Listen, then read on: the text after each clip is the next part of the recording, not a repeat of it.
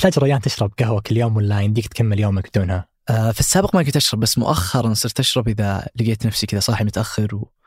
و... وباقي كذا مصدع من النوم يعني إذا حسيت إنك تحتاجها ثم شربتها كذا تحس بالتأثير مباشرة أول ما تشربها صح؟ تقريبا إيه يعني هذا بالضبط اللي يصير معي كل يوم إلى ما عرفت معلومة إن الكافيين يحتاج له على الأقل ربع ساعة عشان يبان عليك أي أثر له.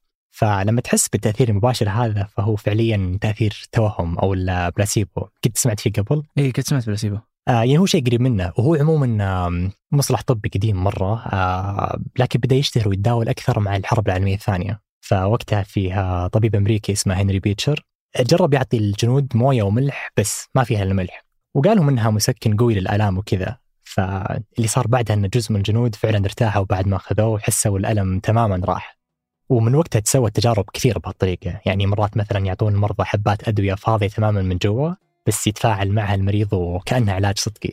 طيب لو أعطيتك قهوة بدون كافيين امم decaf هل تعتقد okay. إنك بيجيك نفس الشعور ولا يمكن تحس فيه؟ أحس بيصير نفس التأثير. لو ما علمتني إنها decaf بحس إنها فيها كافيين وأنت تشربها كل يوم؟ إي. عجيب. أتوقع تكون كذا. هذا بودكاست الفجر من ثمانية. بودكاست فجر كل يوم نسرد لكم فيه سياق الأخبار اللي تهمكم.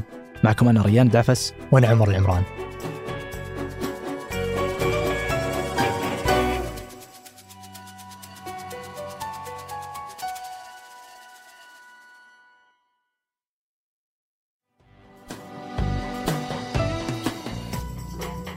قبل أسبوعين من اليوم صحوا سكان مصر عن انقطاعات متقطعة وطويلة للكهرباء. توقعوا بالبداية أنها مثل الانقطاعات اللي تصير بالعادة وتنحل بشكل سريع.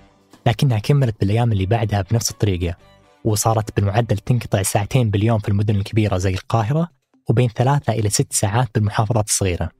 أزمة في تضخم أسعار المواد الغذائية الأساسية وأزمة في الجنيه المصري. والآن أزمة في انقطاع الكهرباء بشكل غير مسبوق.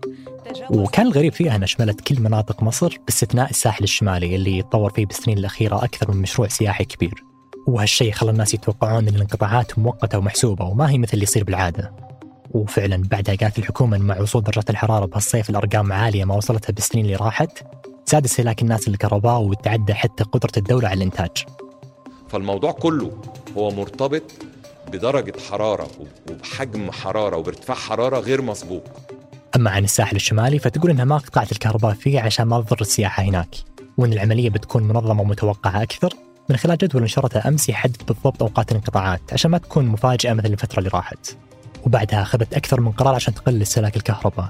زي ان المباريات ورغم موجة الحرارة الحالية صارت تلعب بس بالنهار عشان ما تشتغل إنارة الملعب بالليل. ومن دوام الأحد للجهات الحكومية بيكون من البيت خلال شهر أغسطس الجاي كامل.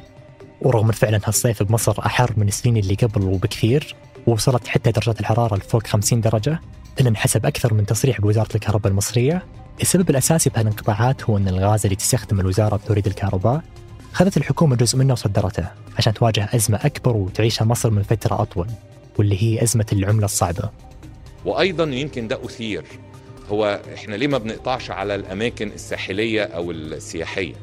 لأن خلينا نتكلم بمنتهى الأمانة كمصريين المناطق الساحلية هي مصدر دخل قومي للدولة. في سياحة خارجية جاية في ناس بتدفع بالعملة الصعبة ده مصدر دخل رئيسي. العملة الصعبة هي أي عملة يستخدمونها الدول حول العالم عشان يشترون أي منتج وبالعادة تكون هالعملة دولار أو يورو. فالسعودية مثلا مصدرها الرئيسي من العملة الصعبة هو بيعها النفط بالدولار فبعدها تقدر تستخدمه باستيراد أي شيء. أما بالنسبة لمصر فعندها أربع مصادر رئيسية للعملة الصعبة. الأول هو الإيرادات من المصروفات والضرائب اللي يدفعونها السياح فيها والثاني هو أرباح تشغيل قناة السويس اللي مثلها مثل باقي المضائق والقنوات بالعالم تأخذ رسوم من السفن اللي تمر فيها. والثالث هو إيرادات المنتجات اللي تصدرها مصر واللي هي بشكل رئيسي المزروعات والقطن أو الغاز الطبيعي اللي زادت اكتشافاته كثير بالفترة اللي راحت. أما المصدر الرابع فهو من المصريين بالخارج اللي يحولون لحساباتهم البنكية بالداخل. ومن بداية كورونا ب 2020 تأثرت بشكل كبير كل هالمصادر.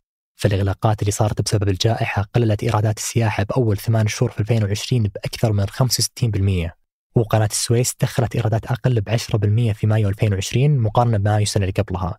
وهالشيء بسبب تأثر التجارة العالمية بكورونا.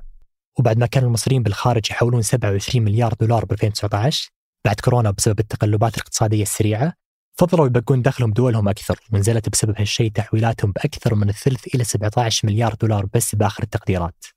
وبعد كورونا بسنتين بدت أزمة جديدة وأثر جديد خبر عاجل الآن كما أتابع وز... وزارة الطوارئ الأوكرانية تتحدث عن سقوط تشير إلى قصف آه، روسي يستهدف هذه المناطق الغربية في منطقة Ukraine is now a nation at war.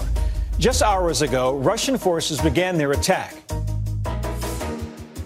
قبل بداية الحرب بين روسيا وأوكرانيا كانوا مواطنين هالدولتين يشكلون 33% من السياح بمصر وبس بدت الحرب تقريبا وقفت زياراتهم تماما. أما القمح واللي هو أهم الصادرات الزراعية لروسيا وأوكرانيا فمصر هي أكبر مستورد منهم بالعالم و85% من احتياجها من القمح يجي من هالدولتين بس. وكل هالأحداث بداية من انتشار كورونا قبل ثلاث سنين إلى حرب روسيا وأوكرانيا السنة اللي راحت قللت دخل مصر من العملة الصعبة وزادت من خطر تخلفها عن تسديد ديونها اللي لازم يكون بالدولار. قبل ما تنجح بديسمبر اللي راح قبل ثمان شهور من اليوم وباللحظة الأخيرة من تأمين قرض جديد من صندوق النقد الدولي عشان تسدد ديونها اللي قبل. رغم أن هالقرض جاب شرط تحرير سعر صرف الجنيه أكثر واللي وصل ل 31 جنيه مقابل الدولار بعد ما كان 15 جنيه بس قبل كورونا. وهالارتفاع للضعف تقريبا يعني أن أي أصل أو مدخرات مسعرة بالجنيه قلت قيمتها للنص والمنتجات المستوردة من برا زادت قيمتها للضعف. وغير القروض اختارت الحكومة 32 أصل مملوك لها وبدت تبيع حصص فيها المستثمرين من برا من أهمهم صناديق الاستثمار السيادية بالخليج. وبالذات جهاز أبو ظبي للاستثمار وصندوق الاستثمارات العامة السعودي اللي شروا السنة اللي راحت أصول حكومية بمصر بأكثر من 4 مليار دولار. وهالسنة كان جهاز أبو ظبي للاستثمار جزء من صفقة جديدة انباعت فيها حصص بشركات طاقة وفنادق أثرية بحوالي مليارين دولار. يقول الرئيس عبد الفتاح السيسي إن الحكومة تستهدف الفترة الجاية تجمع 40 مليار دولار من بيع حصص بشركات الحكومة. اللي عايز يتفضل. لكل الناس. بما فيها شركات الجيش. أيوه. والكلام ده قلته بدل مرة كم مرة يا دكتور مصطفى؟ طب شركات الدولة مطروحة؟ أيوه. وبعد بيع الأصول حاولت الحكومة تجذب الدولار بأكثر من طريقة. منها مثلا قرارها الأخير بإعفاء المصريين في الخارج من التجنيد الإجباري مقابل دفع 5000 دولار أو حتى منح الجنسية المصرية مقابل 250 ألف دولار غير مستردة أو 500 ألف دولار مستردة بعد ثلاث سنين. ومن الجهة الثانية تحاول تحد من خروج الدولار بأكثر من طريقة. منها مثلا أن صار الحد الأعلى للمشتريات الخارجية بالبطاقات الائتمانية لكل شخص بالشهر بين 100 إلى 200 دولار بالغالب وحسب نوع البطاقة. وباقي القيود على خروج الدولار صعبت الاستيراد على المصانع بمصر لدرجة إعلان مصنع سيارات BYD عن توقف أعماله بشكل مؤقت بسبب أنه ما قدر يستورد المواد الأولية اللي يحتاجها. إذا الجيش يصنع كل شيء كل شيء. أنا أعني ذلك. أعطني أكلة في في ذهنك. بسكوت؟ يصنع البسكوت. رغم أن التحديات اللي واجهتها مصر بالسنين الأخيرة كثيرة ومعقدة إلا أن صندوق النقد الدولي وأكثر من دولة مانحة مثل السعودية والإمارات يشوفون سيطرة الجيش المصري على الاقتصاد من أهم المشاكل الهيكلية فيه. واللي بدأت بآخر السبعينات مع قرار الرئيس أنور السادات بإنشاء جهاز اسمه مشاريع الخدمة المدنية واللي يقدر من خلاله الجيش يأسس شركات ربحية. وكانت الفكرة وقتها أن هالشركات بتكون مصدر دخل للجيش يقللوا بشكل كبير من بند الدفاع بالميزانية الحكومية. وكملت هالشركات تكبر وتزيد. إلى ما صارت اليوم وراء أكبر الشركات بالاقتصاد بمختلف المجالات مثل التغذية والدواء وحتى بالمشاريع الإنشائية مثل تنفيذ الطرق والمستشفيات وغيرها. وبالجهة الثانية القطاع الخاص والمستثمرين الخارجيين ما يقدرون يتنافسون مع الجيش. لأسباب كثيرة تعطيه أفضلية مطلقة عليهم مثل إن شركاته معفية من الضرائب وحتى معفية من الرقابة والمساءلة.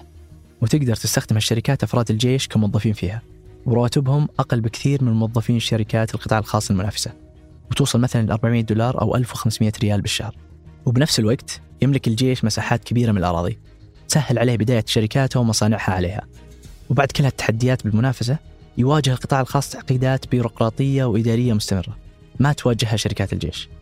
ورغم ما في أرقام رسمية توصف تأثير هالشركات على الاقتصاد اللي انحسب أكثر من دراسة بسبب هالعوامل المختلفة يملك الجيش اليوم بين 30 إلى 40% من الاقتصاد. وحسب المحللين هالبيئة الاقتصادية تنفر الاستثمارات الخارجية اللي كانت بتكون من مصادر العملة الصعبة وبتساعد مواجهة الأزمة الحالية. بس بالمقابل صارت من أسبابها العميقة مع السبب الرئيسي الثاني. بس لما متر الأرض يبقى شايل في القاهرة 50 مواطن هنروح فين تاني؟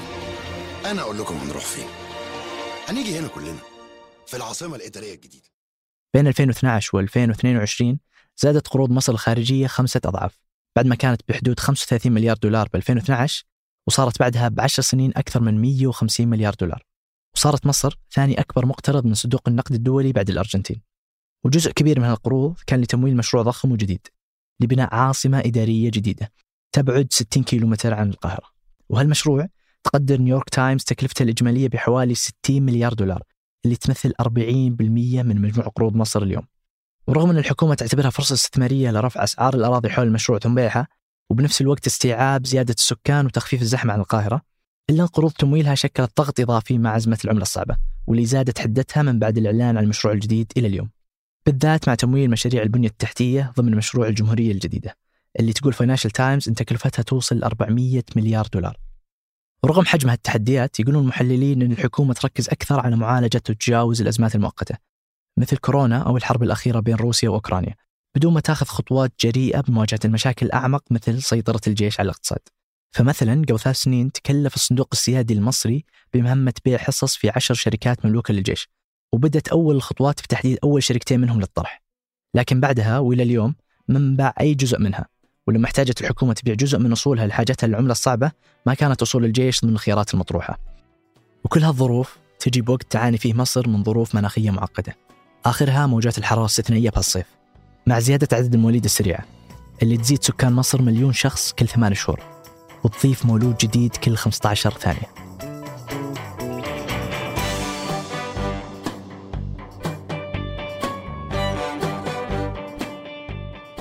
أنتجت وقدمت هذه الحلقة أنا عمر العمران. وأنا ريان دعفس. وحررها محمود أبو ندى. نشوفكم بكرة الفجر.